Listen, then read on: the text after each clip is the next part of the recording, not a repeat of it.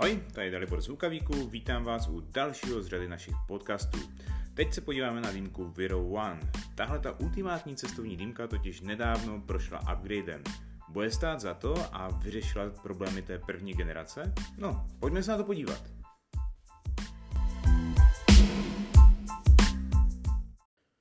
No jako vždycky začneme klasicky balením. Mám před sebou krásnou sametovou černou tubu, tak jak to bylo u té původní verze. Maximálně vidím rozdíl mírně v té výšce, protože tato je o trochu vyšší.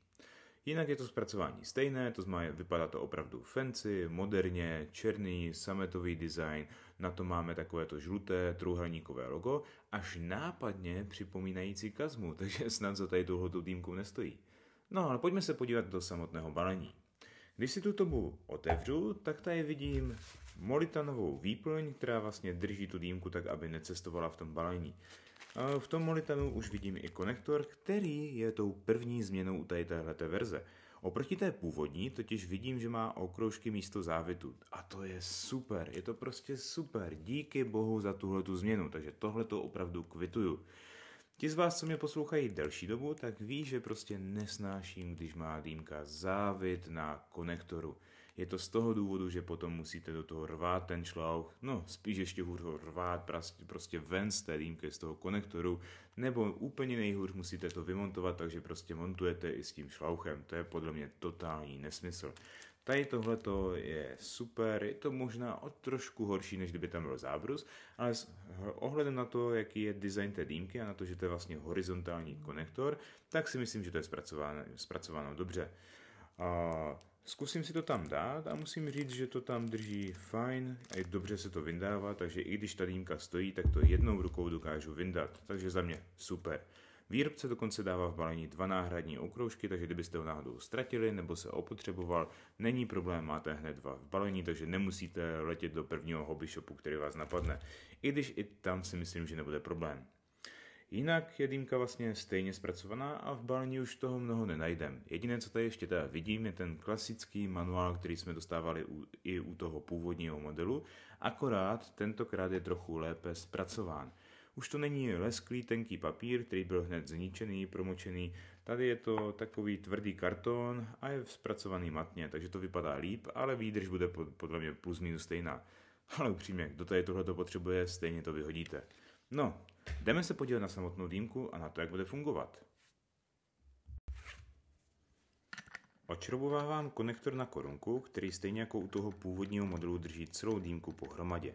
Na tom konektoru jsou taky takové malé vroubky, které drží to těsnění a musím říct, že to je něco, co mě opravdu baví, protože to není vidět často ani na velkých dýmkách. A když ho črobuju, můžu sundat samotné víko, které je tvořeno z masivního nerezu. A tloušťka toho víka je někde kolem 5 mm a je opravdu těžké.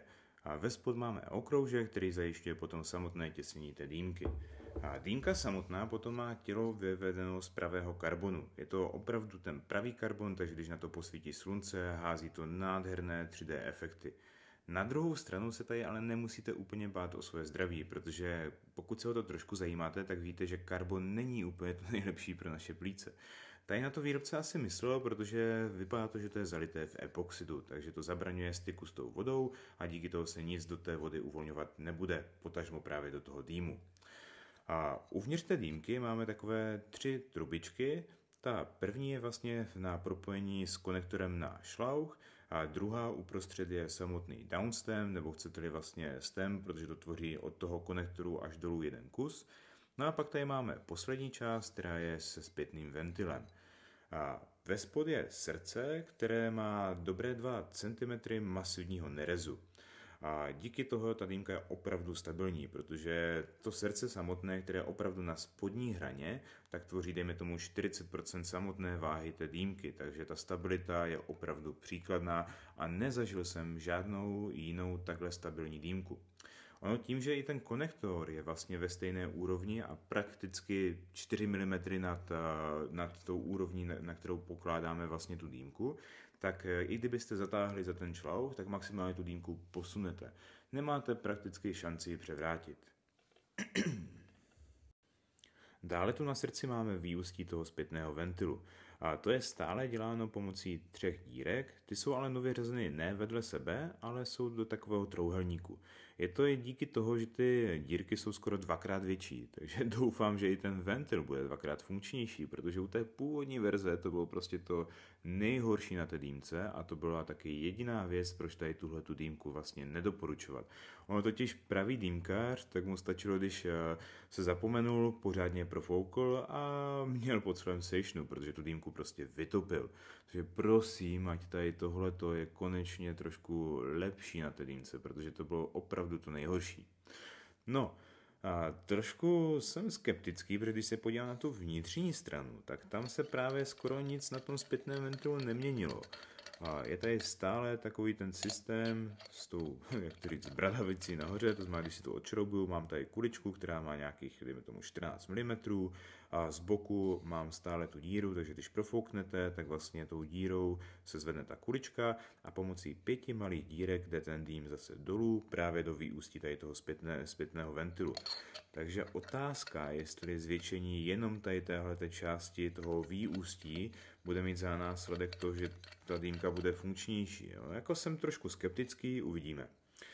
A když si vymontuju downstem, který je hned vedle toho, to znamená uprostřed, tak ten je klasicky jako u té první verze namontován do samotného srdce a má tady opravdu velké množství dírek v tom difuzoru, takže ten difuzor je opravdu funkční a zabraňuje tomu, aby ta hladina vysoce pobublávala a aby se právě ta voda dostávala, dejme tomu, zpátky do šlauchu nebo do toho zpětného ventilu. Takže tohle je vyřešené dobře. Nicméně díky výšce toho zpětného ventilu a vlastně i toho difuzoru, tak je trošku problém s hladinou vody, protože tady u té dýmky tam dáte tak maximálně 2, možná s trochou štěstí 3 cm té vody, takže není to moc velký objem, protože samotná dýmka je relativně malá, takže a ono se to trošku zahřívá. Naštěstí, ale na takový normální session o délce, dejme tomu hodinky, hodinky 20, tady tohle bylo dostatečné a nedocházelo k tomu, že by to prostě nebylo akceptovatelné, že byste se dostali na teplotu, kdy už by vám to vadilo. No a třetí trubička, která tu je, tak je potom vlastně na to, aby nevnikala voda do toho výústí na šlauch, takže je vlastně vyvedena co nejvýš to jde. A teď je vyvedena cirka centimetr pod vrchní hranu, kde dáváte to víko té dýmky. Takže tohle je vyřešené dobře a v kombinaci s tím, že tam dáváte relativně málo vody, nehrozí, že by se vám voda dostávala do toho šlauchu. No, pojďme si tohle vyzkoušet. Takže naliju si tam vodu,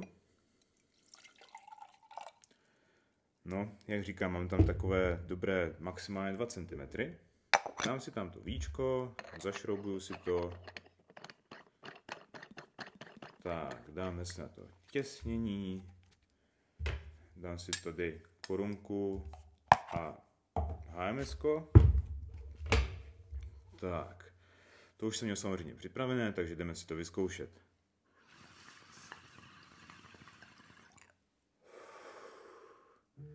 tak je příjemný a není vůbec těžký, takže to není takové, že byste tam měli opravdu velký odpor, nějakou restrikci v rámci toho tahu. Připomíná to opravdu klasické velké dýmky, takže tady nevidím moc velký rozdíl. Zkusím to profouknout. A ano, ten zpětný ventil vypadá funkčně, protože tohle to bylo takový normální profuk, který už někdy u té původní verze byl problém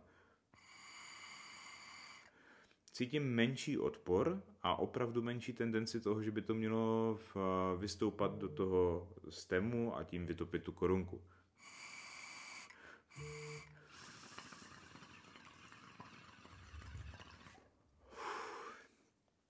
Opravdu za mě velmi příjemné, ten tah je super, to ale jako není žádný upgrade proti té původní verzi, protože už tam jsme říkali, že ta dýmka je skoro jako klasická velká dýmka tady v tomhle. No, pojďme si to zkusit vytopit. Tak, trošku silnější profuk ještě nebyl úplně problém.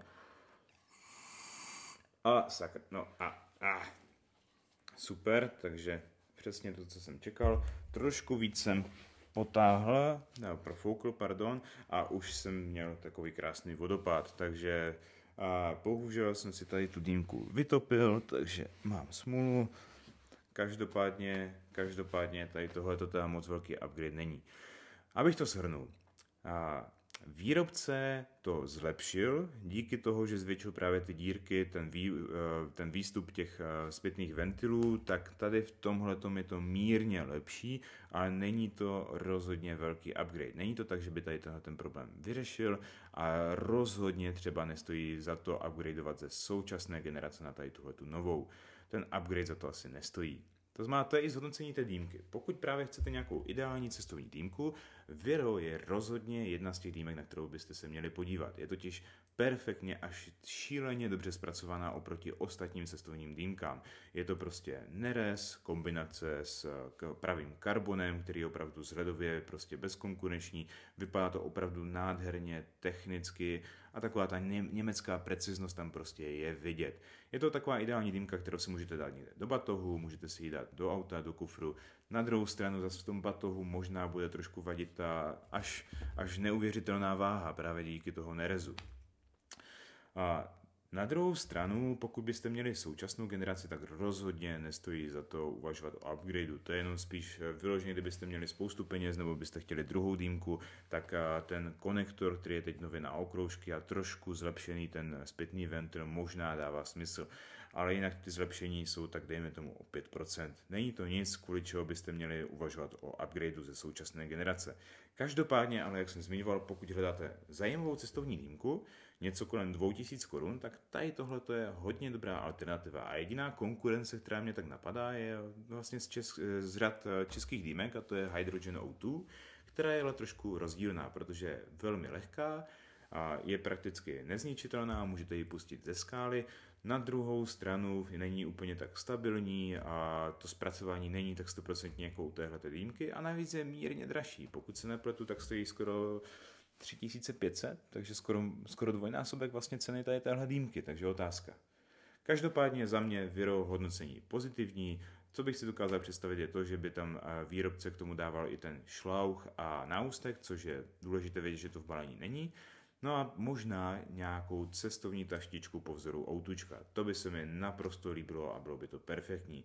Tady upřímně do tady téhle papírové krabičky to zavalíte párkrát a postupně už bude poničená a už bude nepoužitelná. No. No, každopádně za mě rozhodně dýmka, která je super na cesty, takže pokud na něčem takovým uvažujete, tohle je jedna z možností. Díky moc, že jste mě poslouchali a budu se těšit na dalším podcastu Hukavík. Ciao.